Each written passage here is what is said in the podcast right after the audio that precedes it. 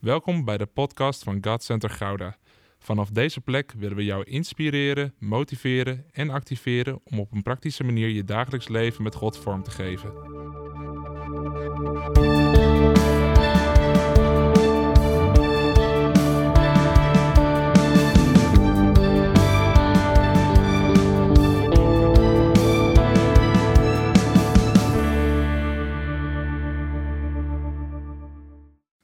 Zijn glorie daalt nu neer. En dat is precies de boodschap van vandaag. Zijn glorie die neerdaalt. En we gaan lezen vanuit het woord. En ik wil gewoon beginnen met te lezen uit nummer 11. Dan hebben we het over de glorie die neerdaalt. Over manna dat neerdaalt. Elke ochtend opnieuw. Dus ik wil je gaan vragen om te gaan staan voor het woord van God. Ook als je lekker onder je warme dekbed zit. Ga staan voor het woord van God. We gaan lezen nummer 11 vanaf vers 4 tot en met vers 9. We bevinden ons hier midden in de woestijn en het volk begon weer te klagen. Dat staat in vers 1 als intro. We gaan lezen vanaf vers 4. Het samenraapsel van vreemdelingen dat met hen meetrok was onverzadigbaar. En ook de Israëlieten begonnen weer te klagen. Hadden we maar vlees te eten, zeiden ze. We verlangen terug naar de vis die we in Egypte volop te eten hadden. Naar de komkommers en de watermeloenen en de prei en de uien en de knoflook. We drogen uit. We zien nooit iets anders dan manna. Even tussen haakjes, letterlijk. Het manna leek op koranderzaad en had de kleur van balsamhars. Ze verzamelden het overal in de omtrek, maalden het met een handmolen of stampten het fijn met een vijzel, kookten het in een pot en maakten er koeken van, die smaakten alsof ze in olie gebakken waren. Wanneer het kamp s'nachts door de dauw bedekt werd, daalde ook het manna erop neer. Dit is wat we willen lezen vandaag. En we gaan het vandaag hebben over wat als Jezus eentonig wordt misschien denk je, oh, waar gaan we het nu over hebben? Wat als je geloofsleven een sleur wordt? Je mag lekker gaan zitten. Wat nou als je geloofsleven een sleur wordt? En misschien is dat uh, niet heel politiek correct om het daarover te hebben, maar misschien is het wel de realiteit waarin we ons soms bevinden. Dat we denken, ja, ons geloofsleven is een beetje een sleur geworden. Het is altijd een beetje hetzelfde. En het is een beetje alsof we 40 jaar lang achter elkaar elke dag manna krijgen. Elke dag hetzelfde krijgen. Wat als je geloofsleven een sleur wordt? Ik was een jaar of 17, 18 toen ik werkte in de Albert Heijn. En een van de voordelen als je daar veelploegleider was, is dat je vaak de avondshifts mocht doortrekken vanuit de middag. En dat betekende dat je eten mocht uitkiezen. En dan mocht je voor een euro of zeven mocht je lekker eten uitkiezen. En dat is een soort hemel als je van eten houdt. Ehm, en mijn lievelingseten is pannenkoeken. Dat is nog steeds. En de eerste twee weken dat ik daar ging eten, dan haalde ik opwarmpannenkoeken vanuit de schappen. Dan deed ik daar kaas tussen. Dan kocht ik de plakken kaas bij. Want ja, je mocht voor 7 euro uitkiezen, dus dat redde ik. Deed ik er heerlijk die kaas tussen. Pannenkoek erop. Dus dan had je echt gewoon een soort hamburgerpannenkoek. Een dubbele pannenkoek. In de magnetron. Lekker warm. Dat is echt fantastisch op dit moment. Dikke laag stroop eroverheen. En zo zat ik twee weken achter elkaar. Elke dag heerlijk die pannenkoeken te eten. En altijd als toetje hetzelfde, namelijk de Danio Stracciatella. Wie kent hem niet? Ja, tuurlijk. Daar worden we enthousiast van.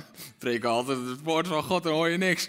En je begint over Danio Stracciatella en mensen beginnen in geestvervoering te raken. Halleluja. Maar dat was natuurlijk het toetje. En dat was ook nog de tijd dat ik gewoon zo'n heel bakje in één keer op kon vreten. Ongelooflijk. Dat hoorden jullie thuis niet. Dat is mooi. Maar dat was mijn maaltijd. Dat was een hemelse maaltijd. Ik genoot daar zo intens van. Maar na een week of twee begon dat te veranderen.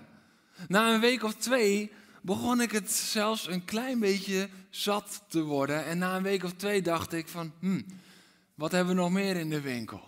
Na een week of twee ging ik afwisseling zoeken. Na een week of twee begon ik er een beetje klaar mee te zijn. En ik had nooit verwacht dat ik klaar zou zijn met pannenkoeken. Dat had ik nooit in mijn leven verwacht. Ik, dacht, nee, dat, dat, dat kan niet. Ik ben zo gek op pannenkoeken, dat kan ik elke dag eten.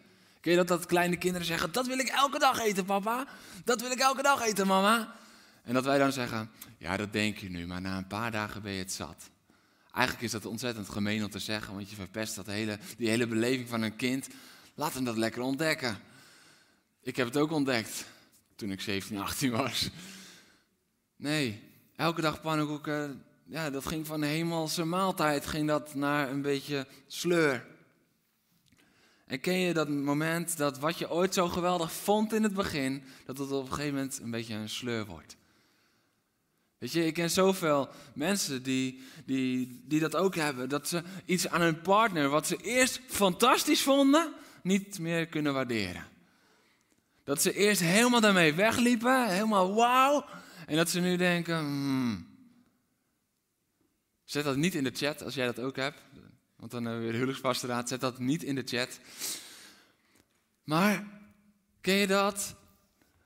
Weet je, ik, ken, ik ken vrouwen die het fantastisch vinden dat hun man zichzelf goed verzorgt en dat hij er altijd zo strak en getraind uitziet.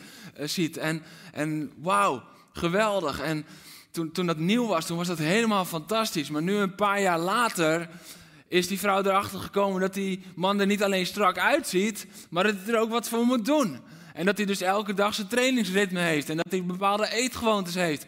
En dat wat zo geweldig was in het begin. Wow, wat ziet hij er geweldig uit. Begint een sleur en een irritatie te worden. Want het is eentonig. Hij doet altijd hetzelfde. Hij moet elke dag nog even zijn oefeningen doen. Terwijl ik gewoon zin heb om samen op de bank te zitten. Lekker filmpje te kijken.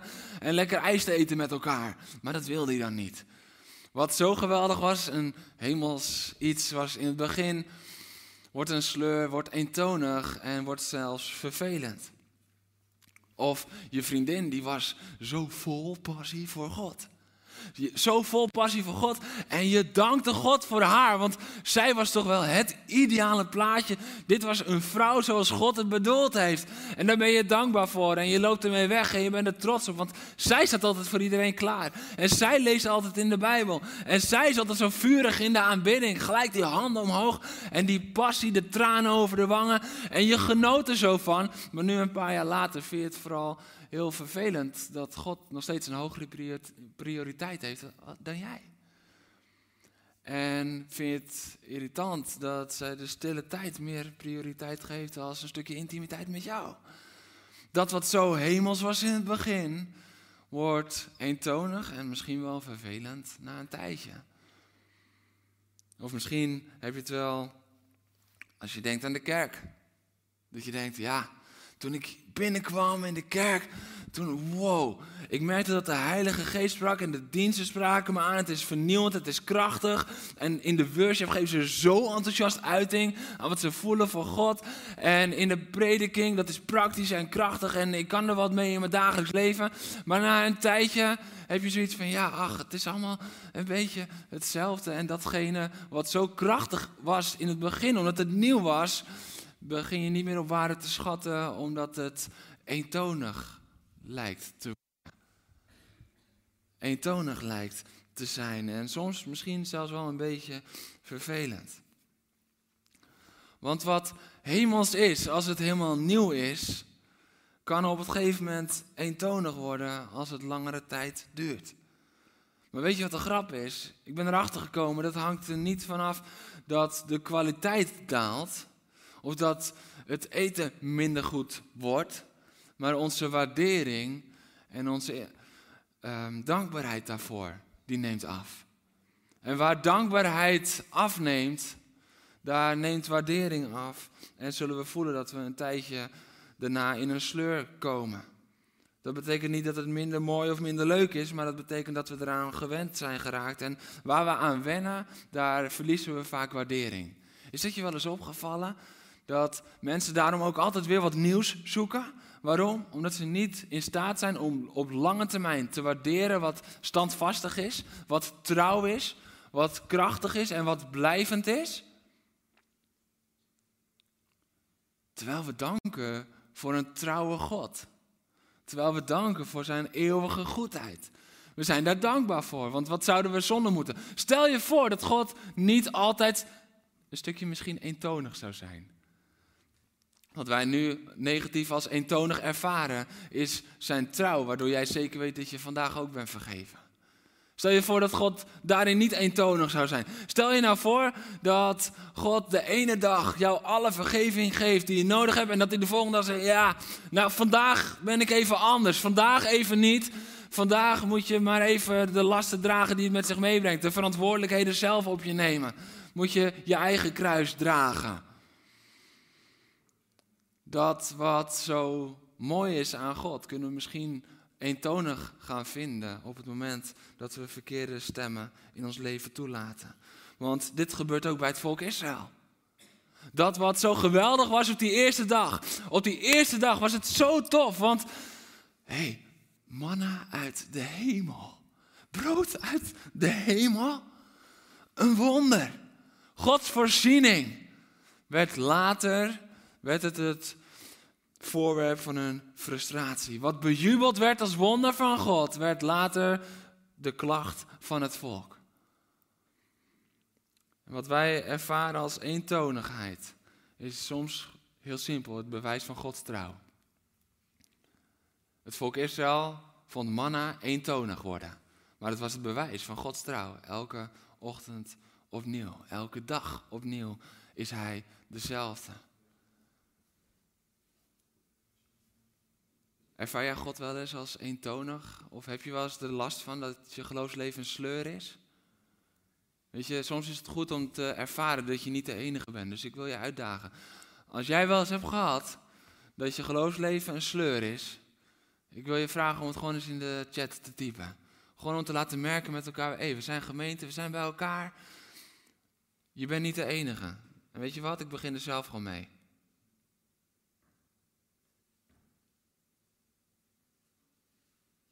Dat gevoel ken ik. Laat ik maar gewoon de eerste zijn. Laten we gewoon open zijn met elkaar. Misschien heb jij ook wel eens dat je geloofsleven een sleur is geweest. Of misschien zit je er op dit moment wel in.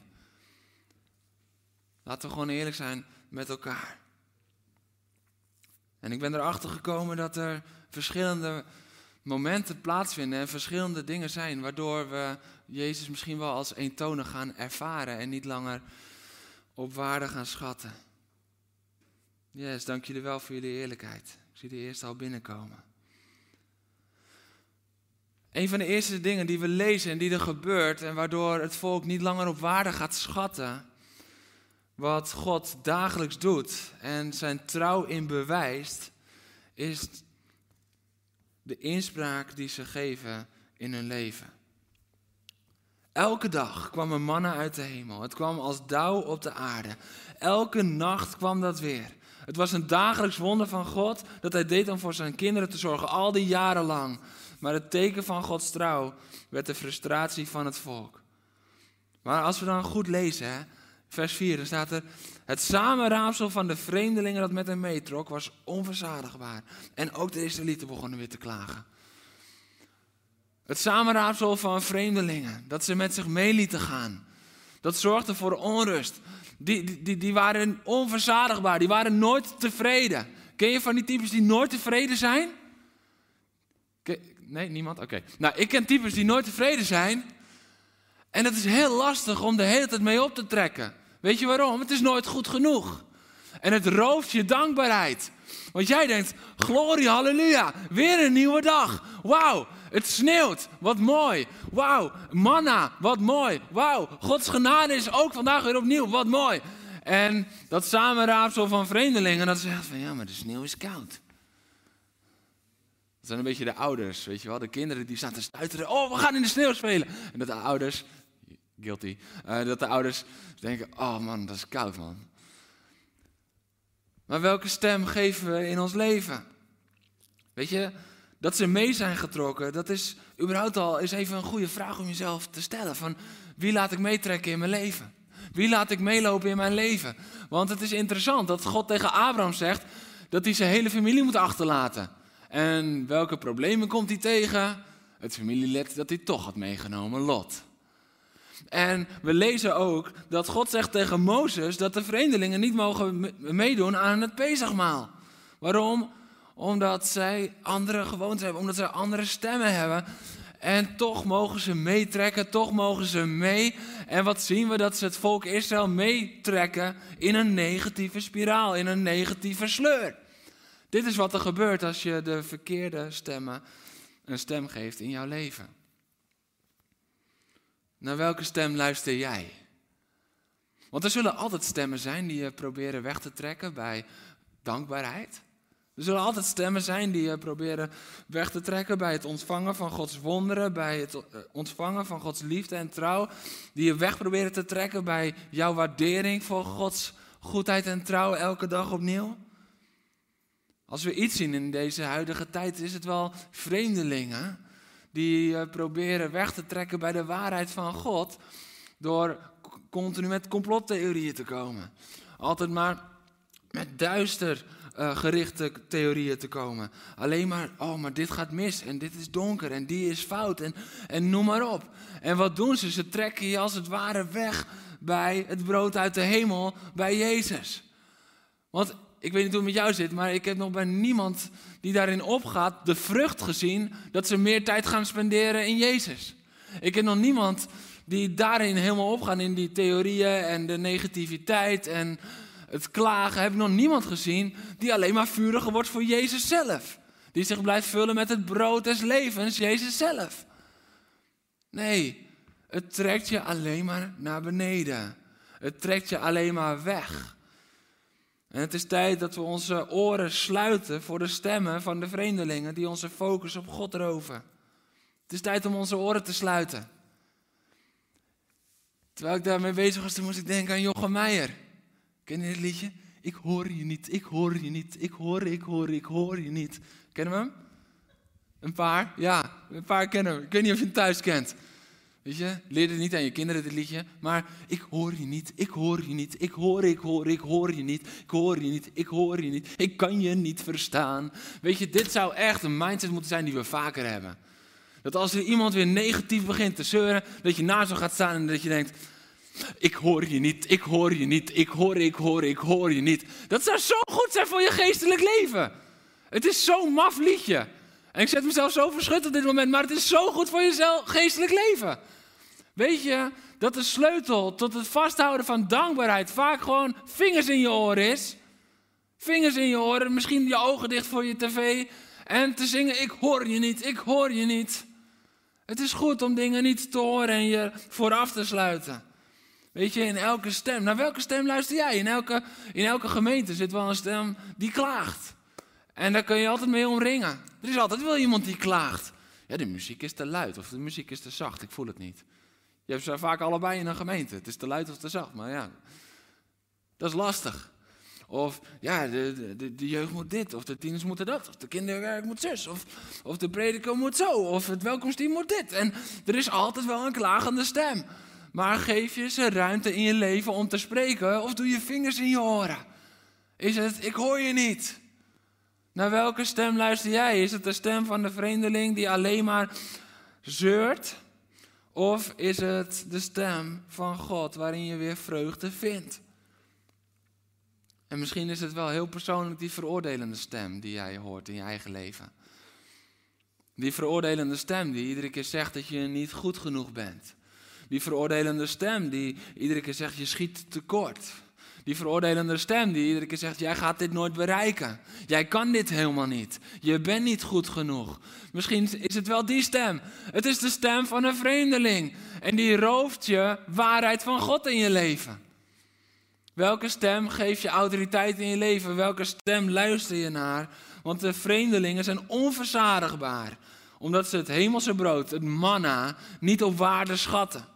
En omdat ze dat niet op waarde schatten en niet langer waardeerden, werd er onrust en ontevredenheid gecreëerd. Dit is wat er gebeurt als je Gods wonderen, Gods tekenen, Gods trouw niet langer waardeert. Er wordt onrust gecreëerd. Er wordt teleurstelling gecreëerd. Er wordt ontevredenheid gecreëerd. Dus het eerste is, welke stem geef je autoriteit in je leven? Naar welke stem luister jij? Welke stem luister jij of doe je soms even je vingers in je oren? Want het tweede is namelijk dat die ontevredenheid vervormt de hele realiteit. Is je dat opgevallen als je leest? Je moet, je moet het stuk goed lezen. Het is bijna hilarisch wat ze uitkramen. Maar moet je opletten. Ze gaan, ze gaan roepen, we drogen uit. We zien nooit iets anders dan manna. Onze ziel droogt op, staat er in de grondtekst. We drogen uit, onze ziel droogt op. We zien nooit iets anders dan manna. Is het je wel eens opgevallen dat ontevredenheid de realiteit gaat vervormen? En dat je niet meer helemaal scherp en helder ziet? Je bent ontevreden over een specifiek deel, maar dat heeft effect op je blik op het hele geheel. Het is interessant. Het volk is hier ontevreden over het eten, maar ze projecteren dit op het hele wezen van God. En, en dan zie je ook dat de realiteit wordt vervormd. Want omdat God niet voorziet in de smaak die ze verwachten, droogt hun ziel uit. Ik weet niet hoor, maar over het algemeen is je eten voor je lichaam, niet voor je ziel. Lichamelijk heb je eten nodig. En dat doet wel iets met je emotie soms. En je wordt er vrolijk van soms. Maar het is iets lichamelijks. En een uitdroging heeft te maken met drinken. En zij plakken dat op de smaak van het eten. We hebben nooit iets anders dan manna. We drogen uit. Nee, je droogt niet uit, je eet manna. Maar het vervormt de realiteit voor jou. Ontevredenheid vervormt de realiteit. Uitdroging heeft te maken met drinken, maar ze plakken het op het gebrek aan afwisseling in eten. Uitdroging van de ziel heeft te maken met je emoties en je gevoelens, maar ze plakken het op het gebrek aan afwisseling van smaak. En ze zijn niet langer reëel. En de ontevredenheid maakt ze onredelijk. Misschien ken je dat wel, dat ontevredenheid je onredelijk maakt. Zullen we nog een eerlijk momentje doen met elkaar? Of, of wordt het al te dichtbij? Wie is er wel eens onredelijk vanuit ontevredenheid? Ja, slim om je hand omhoog te doen, hoef je niet in de chat te zetten. Slim. Ja, soms zijn we heel onredelijk. Waarom? Omdat de realiteit wordt vervormd. En um, is je wel eens opgevallen bijvoorbeeld dat je tijdens een ruzie uh, met je partner, dat je nooit het woordje altijd of nooit moet zeggen? Nee, nooit opgevallen? Nou, mij wel. Um, moet je nooit zeggen. Het woordje altijd of nooit is verboden woord. Verboden woord. Waarom? Dat is niet zozeer omdat het, omdat het alleen maar heel negatief is. Het is ook nooit waar. Het woordje altijd of nooit. Het is gewoon niet waar. Het is gewoon het uiten van de emotie van dat moment en de irritatie of de boosheid van dat moment. En jij wordt onredelijk daardoor. Jij wordt onredelijk omdat je ontevreden of boos bent. En je plakt de emotie van dat moment op de realiteit die in de meeste gevallen niet waar is. Ik kom regelmatig laat uit de kerk terug, zeg maar pre-corona. Nu zijn we om negen uur thuis. Maar uh, normaal gesproken dan kwam ik laat uit een jeugdavond of naar een gebedsdienst of naar een training. En uh, wat wij altijd doen is, wij zetten de uh, vaatwasser zetten wij gelijk na het avondeten zetten het aan. Uh, want dan kunnen we de klet nog open doen, want dan kan het stoom eruit, want anders gaat het ten koste een beetje van de keuken. Nou ja, uh, moeilijk technisch verhaal. Maar in ieder geval, dat doen we altijd zodat die stoom eruit kan en dat niet de hele tijd zit te stomen tegen de onderkant van de keuken aan. Um, dan gebeurt het wel eens dat alle lampen natuurlijk uit zijn, want Peet ligt al op bed en ik kom thuis en dan staat die klep van de vaatwasser staat open. En dat zie je niet als alle lampen uit zijn. Dus ik ben regelmatig zo vol met mijn scheen zo tegen de klep van de vaatwasser aangelopen. Nou, dan kan je twee dingen doen. Je kan boos worden en je kan roepen: Waarom laat je ook altijd. Is niet waar. Waarom laat je ook altijd die vaatwasser openstaan? En doe je het licht uit? Je weet toch dat ik binnenkom? Nou, dat is zeg maar je vlees is niet verstandig om te doen. Zeker niet als je vrouw al slaapt en je komt de slaapkamer binnen en je doet dat. Heb ik overigens niet geprobeerd, maar dat weet ik gewoon. Dat is niet verstandig. Uh, maar het is ook helemaal niet meer reëel. Want op dat moment ben je geïrriteerd of teleurgesteld of ontevreden. En je gaat met woorden als altijd of nooit ga je strooien. Maar dat is helemaal niet waar, want dat gebeurt maar heel soms. Als je kijkt op de hoeveel keer zoiets gebeurt, dan is het gewoon soms. Het is helemaal niet vaak. We drogen uit, want we zien nooit iets anders dan mannen. Nooit. Is niet waar. Is gewoon niet waar. Weet je wat ik zo mooi vind? Ze zijn de realiteit uit het oog verloren. Uit ontevredenheid. Want het is helemaal niet waar, want in nummer 6 lezen we over de uh, aanwijzingen voor het Nazireërschap. En die moesten bijvoorbeeld de wijn, druivensap, de verse druiven, dat moesten ze allemaal laten staan. Denk je dat God dat vertelt in de woestijn, als dat er nooit was? Dat, zo van, ja, je, je woont um, in Congo, um, maar je mag niet in de sneeuw spelen. Ja, dat is er nooit. Dat, dat, dat, dat zeg je niet. Dus we zien dat ze te maken hadden met druiven, met wijn, met allemaal verschillende zaken. Ze versloegen nog wel eens een tegenstander, een, een, een, volk. Ze versloegen ze nog wel eens. Ze haalden een buit binnen. Dus dat nooit is nergens op gefundeerd als alleen maar op de emotie van dat moment omdat ze naar de verkeerde stemmen zijn gaan luisteren en dat toe hebben gelaten in hun hart en ontevreden zijn geworden, gaan ze het projecteren op iets wat niet langer de realiteit is.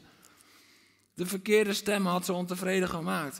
Maar ik wil je vragen vandaag, zie je nog Gods liefde, Gods goedheid, Gods trouw? Of komen de woordjes nooit of altijd erg vaak over je lippen?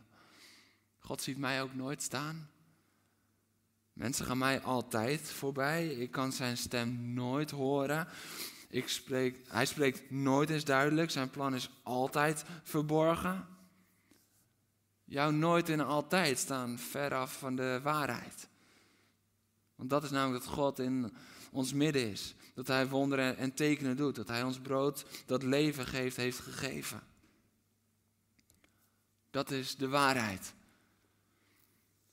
Wat als het eentonig wordt? Welke stemmen laten we toe in ons leven? Of gaan we vieren dat Hij altijd trouw is? Jezus die vergelijkt zichzelf op het gegeven moment met het manna. Jezus vergelijkt zichzelf in Johannes 6 en ik wil dat met je lezen. Even Johannes 6 vers 30 tot en met 35. Dit is nadat hij de wonderbare vermenigvuldiging heeft gedaan. En het volk is hem gevolgd. Hij is door de storm over het meer ook nog gegaan. En dan zijn ze hem gevolgd. Niet door het meer, maar om het meer. En dan vragen ze aan hem: Welk wonderteken kunt u dan verrichten? Ik denk dan: Jullie zijn er net bij geweest. Maar ze willen toch een nieuw wonderteken.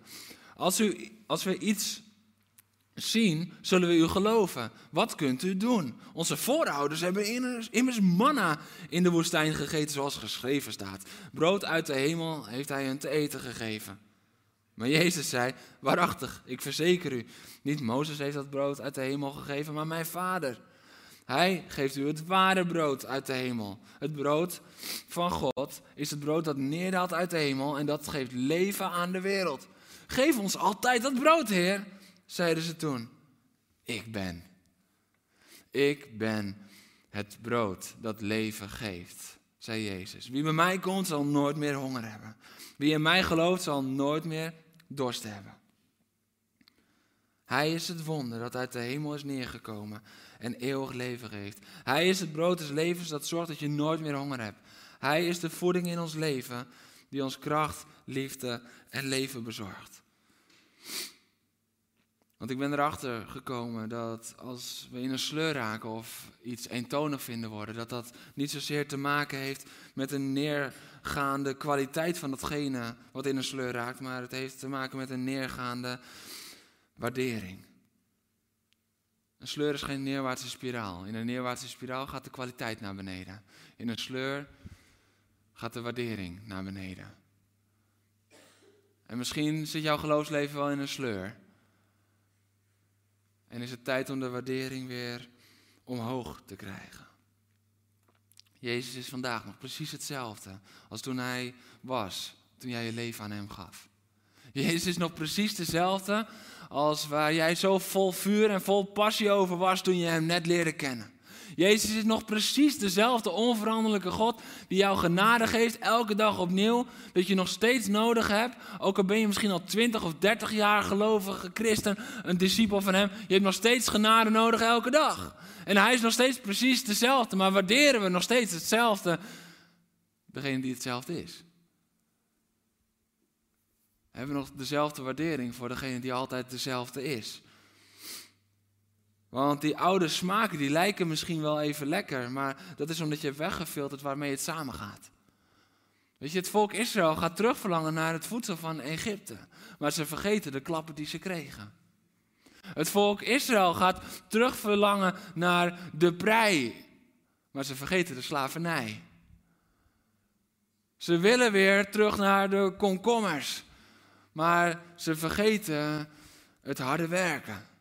Je ziet dat het niet reëel meer is. Je ziet dat het niet meer gaat in hun hoofd zoals het daadwerkelijk is. De realiteit verliezen ze uit het oog. Ze verliezen de omstandigheden uit het oog.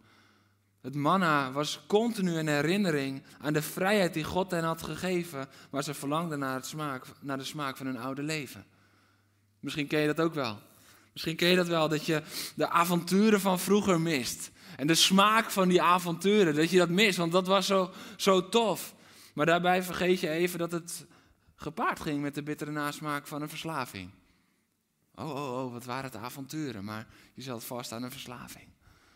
Of je, je, je, je, mist de gezellige avondjes met vrienden en de smaak van die gezelligheid, maar je vergeet dat dat gepaard ging met een bittere nasmaak van een kater. Of je mist de smaak van de seks die je altijd had. Van, oh, wat was dat fijn. En je mist de smaak van seks. Maar je vergeet dat dat samenging met teleurstellingen en eenzaamheid. En het maar verkroppen dat je je niet goed genoeg voelde. En om dat maar een beetje weg te stoppen, gaf je jezelf aan een ander.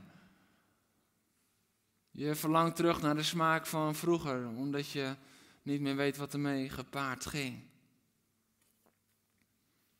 En Jezus zegt, ik ben het brood des levens. Het brood dat leven geeft. En wie bij mij komt zal nooit meer honger hebben. Ik wil je vandaag één vraag stellen. Is de smaak van eeuwig leven voor jou genoeg? Is de smaak van eeuwig leven voor jou genoeg? Ben je bereid om afstand te doen van het verlangen van die oude smaak, omdat je niet meer op waarde schat datgene wat je echt is gegeven? Weet je, Jezus is zo onbeschrijfelijk goed. Hij is zo liefdevol. Hij is zo trouw. Hij is zo vol kracht. Hij is zo oneindig. Hij is zo vol wijsheid. Hij is zo aanwezig. Hij is zo reddend. Hij is zo troostend. Hij is zo helpend. Dat is alles wat Jezus is. Dat zit allemaal in dat manna. Wat je elke dag krijgt van Hem. Want Hij zegt: Ik heb mezelf gegeven aan jou en ik ben elke dag dezelfde voor jou. Maar het is tijd dat we zijn trouw wat we misschien eentonig zijn gaan vinden, opnieuw gaan waarderen. Omdat het niet een eentonig iets is, maar het is rijk en vol leven. En het is het enige wat daadwerkelijk echt leven geeft. Is de smaak van eeuwig leven, is de smaak van deze geweldige Jezus genoeg voor je? Jezus zegt, wie bij mij komt, zal nooit meer honger kennen. Weet je, het was God die voorzag in de woestijn. Het is God die voorzag aan het kruis. Het is God die voorziet in jouw leven. En de vraag vandaag is: ben je bereid om de stemmen van vreemdelingen het zwijgen op te leggen? Ben je bereid om te breken met die ontevredenheid? Ben je er klaar voor om God te gaan danken voor zijn eeuwigdurende dezelfde trouw in plaats van te klagen over een bepaalde eentonigheid? Ben je bereid? De titel van vandaag is: Wat als Jezus eentonig wordt? En de vraag is niet hoe we verandering in Jezus kunnen zien. Het antwoord is dat we de realiteit van wie Hij is opnieuw moeten leren waarderen en proeven. Als je in een sleur bent geraakt. Als je het eentonig vindt worden. En misschien is, wordt dat wel extra versterkt door de huidige situatie. Dat je het ook nog eens meer thuis moet beleven en minder met elkaar kan zijn. Als je in die bepaalde sleur zit. Als je het eentonig vindt. Het is tijd om die stemmen te verbreken. Om te breken met die ontevredenheid. En opnieuw waardering te gaan vinden in wie Hij is. In altijd dezelfde trouwe God. Want is het niet interessant dat, dat manna dat gevierd was op het gegeven moment de irritatiefactor is. En misschien is het zo dat je jarenlang hebt gevierd dat hij trouw is, want jij had die trouwe God nodig. Want er waren zoveel mensen in je leven ontrouw geweest, maar nu vind je het eentonig. Diezelfde trouw, datzelfde manna. Dat manna is niet veranderd, jouw hart is veranderd. Als Jezus eentonig wordt in ons leven, dan is Hij niet veranderd, maar ons hart is veranderd. En dat is misschien een hele confronterende boodschap. Maar Hij is altijd dezelfde. Hij is nog net zo goed. Want in die bepaalde eentonigheid die Hij ervaart zit de zekerheid dat Hij altijd dezelfde is. Hij is altijd goed en hij is altijd trouw. Hij is altijd eeuwig. Hij is altijd heilig. Hij is altijd jouw trooster. Hij is altijd. Er is geen verschil in wie hij is. Vraag of de band ondertussen alvast naar voren komt. Als Jezus eentonig wordt, dan bewijst hij zijn trouw. Zoals God elke dag zijn trouw bewees in de woestijn. Hij bewees zijn trouw elke dag opnieuw. Elke ochtend opnieuw als daar manna lag. Dan werden ze bepaald bij de trouw van God dan zagen ze weer de trouw van de God die voor hen zorgt. Halleluja. En waar we dankbaar waren voor die trouwe God, mogen we misschien wel opnieuw met ontevredenheid afrekenen en naar dankbaarheid bewegen. En een van de dingen waarin we dat uiten, is het avondmaal dat we met elkaar mogen vieren. Misschien vind je dat ook wel dan denk je ook van ja, dat doen we elke maand, het is altijd hetzelfde. Nee, het is altijd even rijk. Want Jezus zegt, ik ben het brood des levens. En, en ik ben het brood van dat leven geeft. En dat is onveranderlijk. En ik ben onveranderlijk. En dat betekent niet dat het eentonig wordt, maar dat het vol van smaak blijft. Wat nou als dat de clue is? Dat dat manna niet eentonig werd, maar dat het vol van kracht bleef. Dat Jezus niet eentonig wordt, maar dat, het, dat Hij vol van kracht in je leven blijft. Vol van smaak in je leven blijft. Elke dag opnieuw. Ja, dezelfde smaak, maar vol van smaak. De smaak van eeuwig leven. Is de smaak van eeuwig leven genoeg voor jou?